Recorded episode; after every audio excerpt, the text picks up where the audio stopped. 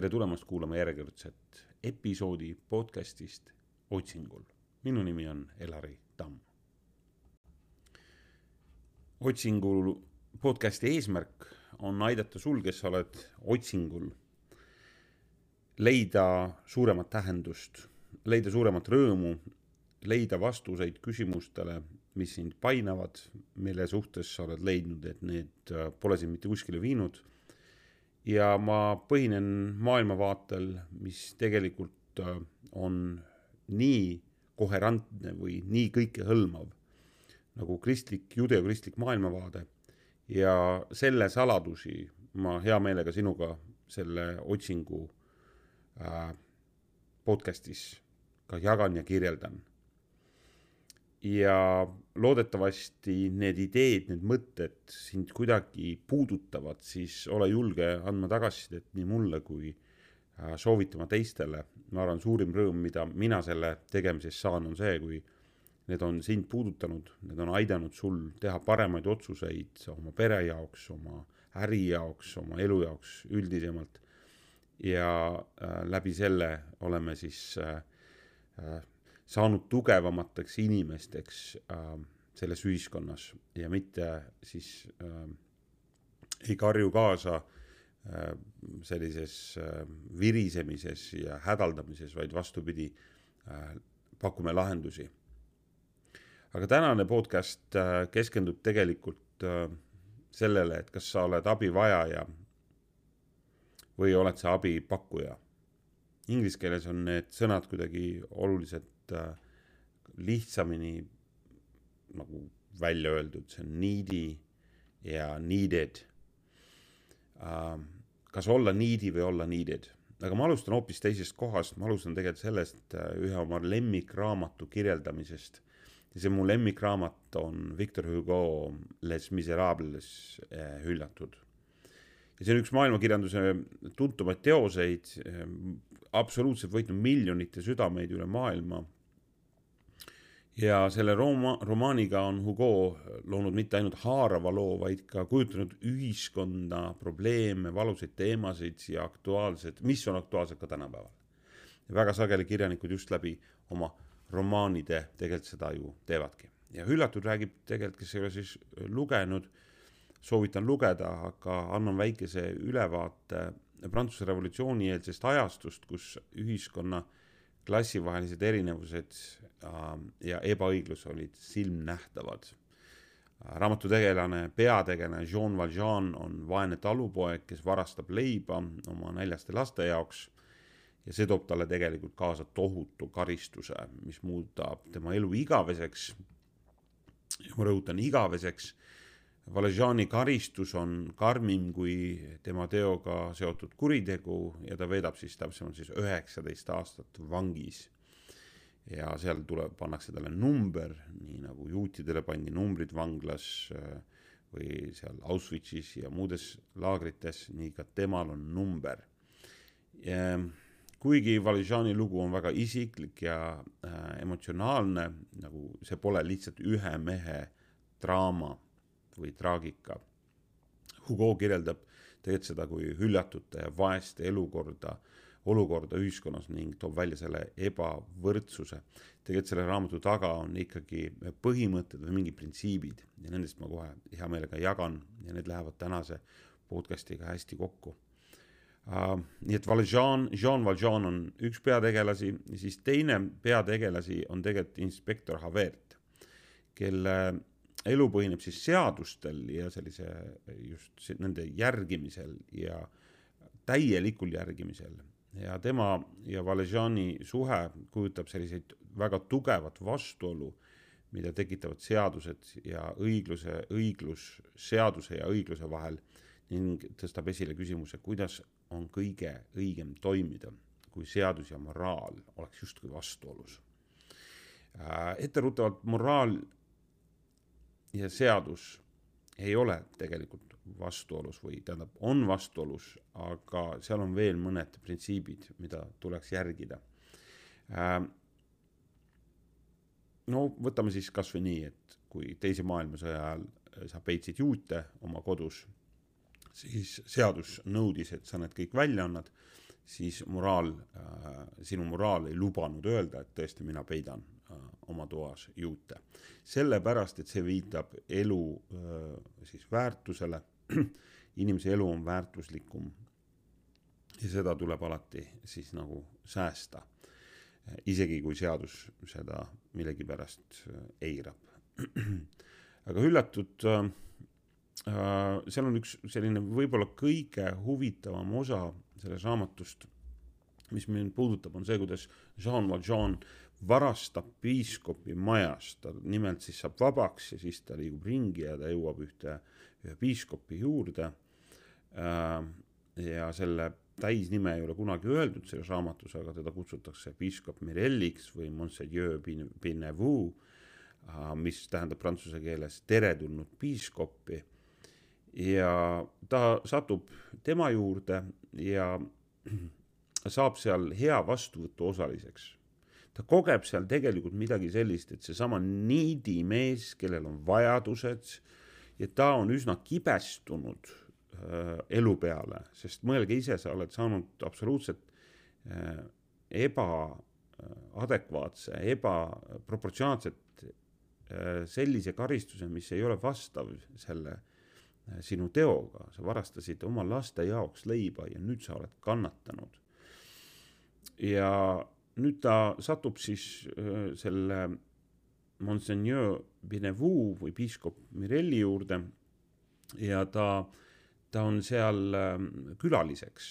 Ja piiskop annab talle kõik, ta on ise ka vaene, tal ei ole väga su suurt midagi anda, aga aga ta annab sulle süüa ja pakub talle majutust ja öömaja, aga mm, seal tekib üks, Jean Valjeani, selle peategelase südames tekib üks selline tohutult suur nagu lõhe selle headuse ja selle kurjuse vahel, mida ta on kogenud. ja kui inimesed ütlevad, et negatiivne tagasiside mõjub mitu korda võimsamini, siis siin on taas tunda seda, kuidas ta tunneb, et see negatiivsus kisub teda või see tema elu kibestumine kisub teda tugevamalt kui see headus, mida ta parasjagu koges. ja põhjus ongi selles, et tegelikult äh, sellise niidi või minul on vaja, mulle on tehtud ebaõiglust mõtteviisiga, järgneb või sellele järgneb ka selline nagu ohvri äh, mentaliteet. Mitte ainult vaesuse mentaliteet, vaid peamiselt ohvri mentaliteet, mina äh, olen kannataja. mind on äh,, mind on valesti mõistetud. Ja mis selle asja teebki siis keeruliseks, ongi see, et kui sa sellises olukorras headusele vastad siis sellise kibestumisega, siis mis siis juhtub, et siis tavaliselt rikutakse inimestevahelised suhted ära ja nii edasi, aga siin Jean Valjean äh, on siis sunnitud tegema selliseid radikaalseid samme. noh, võikski öelda, et kuna ta on vaene, siis äh, justkui nagu varastamine oleks okei okay.. mis ei ole tõsi sellepärast et see piiskop kohe näitab, mida tegelik headus teeb, kui sa ei ole mitte needy, vaid needed. ehk siis sa ei ole mitte sul ei ole mitte vaja, vaid sa oled vajalik. ja selles olukorras siis äh, Jean Valjean teeb otsuse varastada need hõbekausi ja muid esemeid ja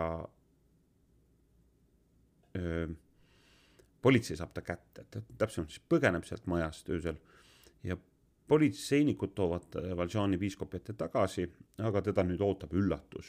Nimelt siis piiskop ütleb politseile, et kinkis hõbekausi hoopis Valjeanile. ning annab talle nüüd, pane tähele, isegi kaks hõbeküünalt kaasa. no kui ennem oli piiskop hea, see oli selline nagu äh, elementaarne headus, sa võtad inimese vastu, annad talle süüa. nüüd oli ta radikaalselt hea. vastupidi, ta lausa päästis selle mehe uuest vangistusest, võib-olla veel pikemast, võib-olla elu, äh, võib-olla eluaegsest.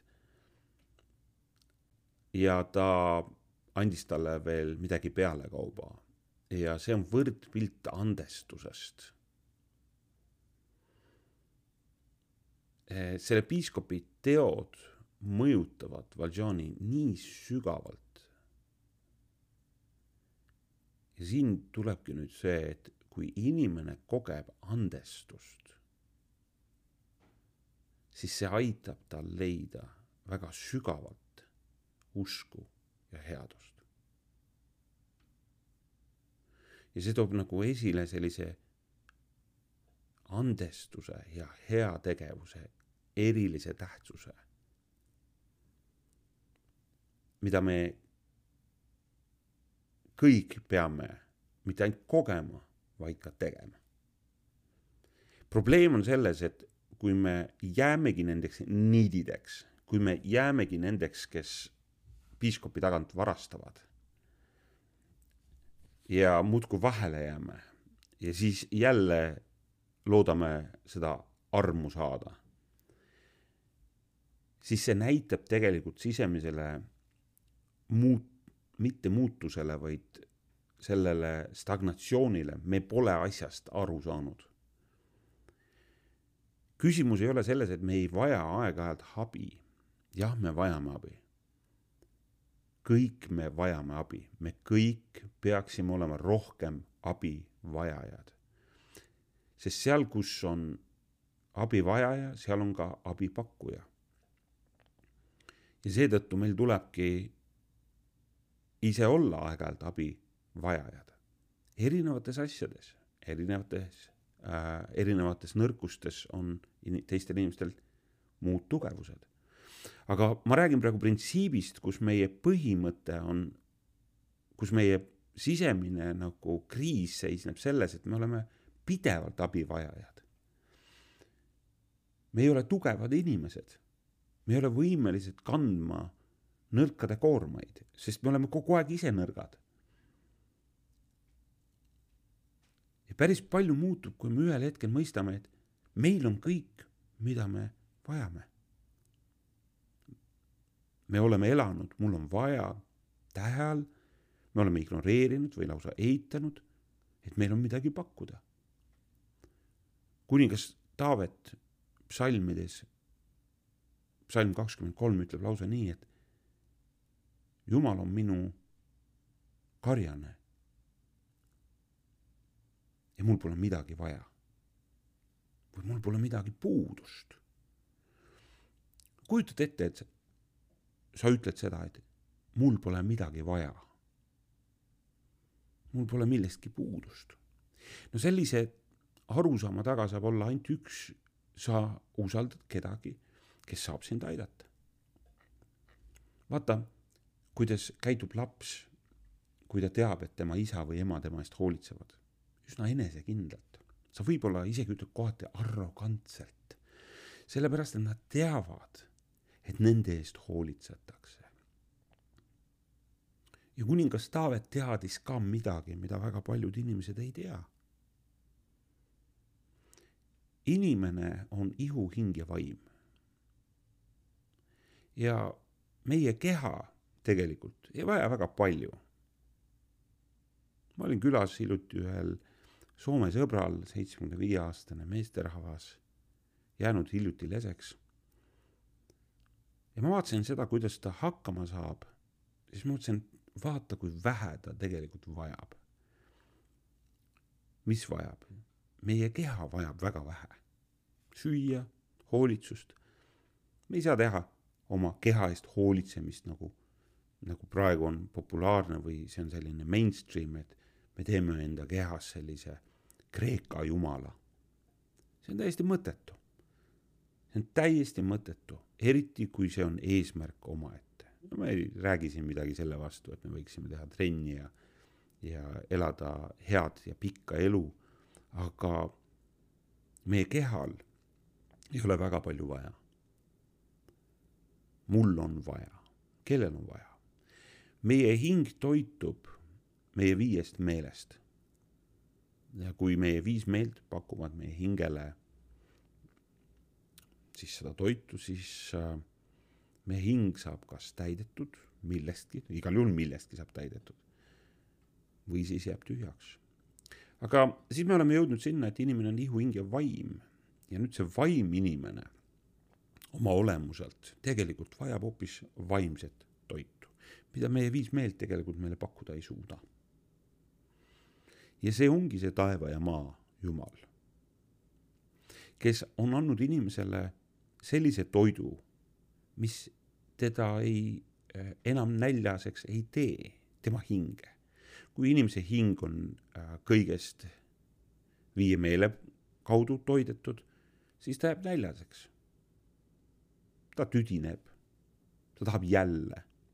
aga kui inimene kogeb seda, mida taeva ja maa looja talle on andnud, rahu, tarkuse, mis ei ole raamatu tarkus, usu, mis on inimesele antud, siis inimene saab öelda, nii nagu Taavet, mul pole midagi vaja.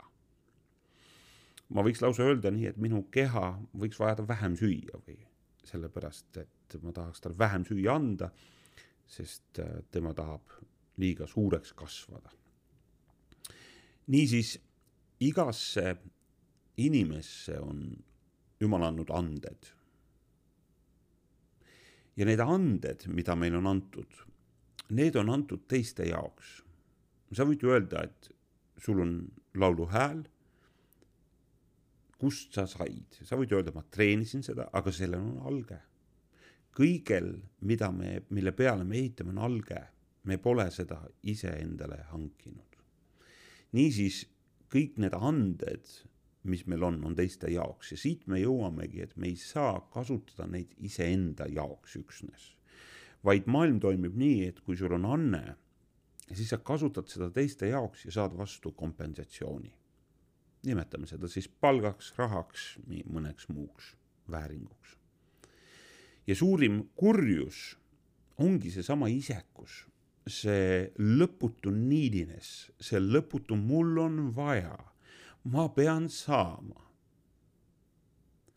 ja see võib isegi kohati olla tänapäeval nagu sellise ilusa tähe all isekus. et sa väärid seda, see kõik kuulub sulle. Aga see individualistlik lähenemine teeb inimesed ja ühiskonna vaeseks.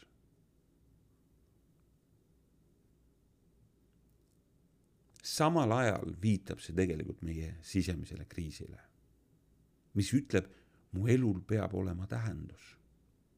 ja kui see tähendus ei ole mitte selles, et ma saan kõik, mida ma tahan, siis ehk on see tähendus hoopis tähendusrikastes suhetes, teistele kasulik olemises. ja mida tähendab olla teistele kasulik? äris teenida klienti, teenindada klienti maksimaalselt hästi tõstes oma väärtust. palgatöötajana olla parim selles, mida sa teed selle jaoks, kes sulle palga maksab. ära aja segamini, sinu palga maksab sulle inimene, kes su palgale võttis, mitte klient, keda sa teenindad. Vaadake, kui muutub arusaam, et meil on kõik, mida me vajame, me saame hakata vaatama ümberringi. me saame tõsiselt hakata selles maailmas valgust looma. kui fookus ei ole endal, vaid teistel.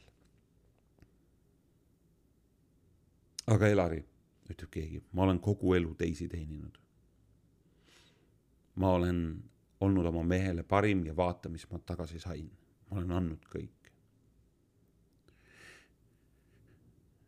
see viitab siiski mürgisele armastusele, sellisele altruistlikule, aga mitte õigesti meelestatud armastusele. me jõuame nüüd selle andmise osa. ma olen vajalik versus mul on vaja võib-olla osa kõige olulisem osa juurde. me saame anda ainult seda, mis meil on anda. sa saad anda seda kui sa oled endale midagi kogunud. sul on väärtus, mida sa oled saanud jagada, mis pole ühekordne, vaid midagi, mis taas ja taas ja taas saab antud. ja mis see siis on? headusel peab olema allikas. inimesed ütlevad, et iga heategu saab karistatud, mina rohkem head ei tee. sest see oligi ühekordne headus, see ootas midagi tagasi. headus, millel on allikas, saab olla see äh, see koht, mis meid uuesti nagu taas toidab või taas täidab. vaadake, inimene peab öösel magama, sellepärast et välja puhata. me nimetame, et inimene puhkab välja ennast, et tal oleks taas midagi anda.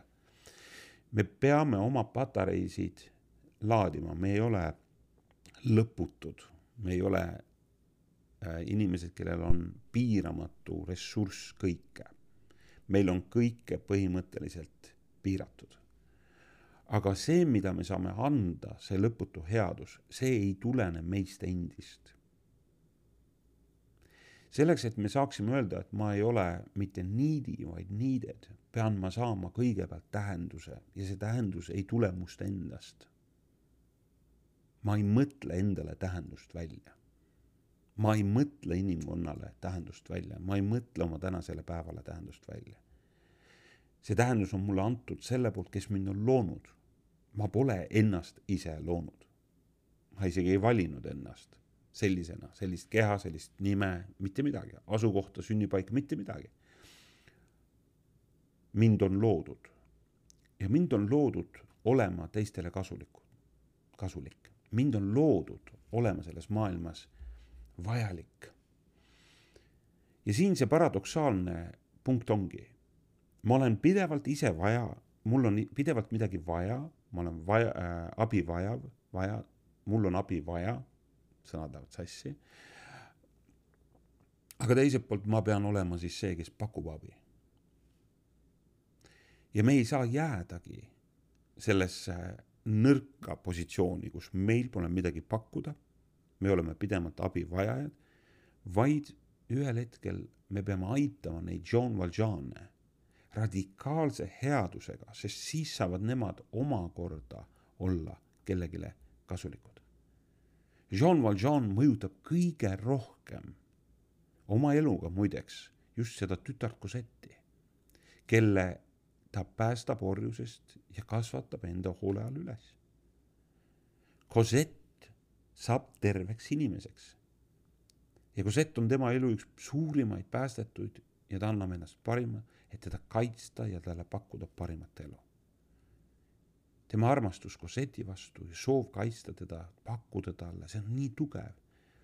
ja see motiveeribki Jean Valjeani läbi raskuste ning juhib tema otsuseid. olla needy või needed, absoluutselt olla needed, olla vajalik. aga need hetked, kus me vajame ise abi õppida neist, küsida abi ja õppida, saada tugevamaks, miks, et olla jälle kellelegi teisele kasulik. selline on see needy ja needed dünaamika. aitäh, et kuulasite järjekordset podcasti. otsingul tänane podcast keskendus siis selle vajalik, mina olen vajalik ja mind on kellelegi vaja teemale, ma loodan, et see sind puudutas. Olgu teil väga ilus nädal ja järgmiste kuulmisteni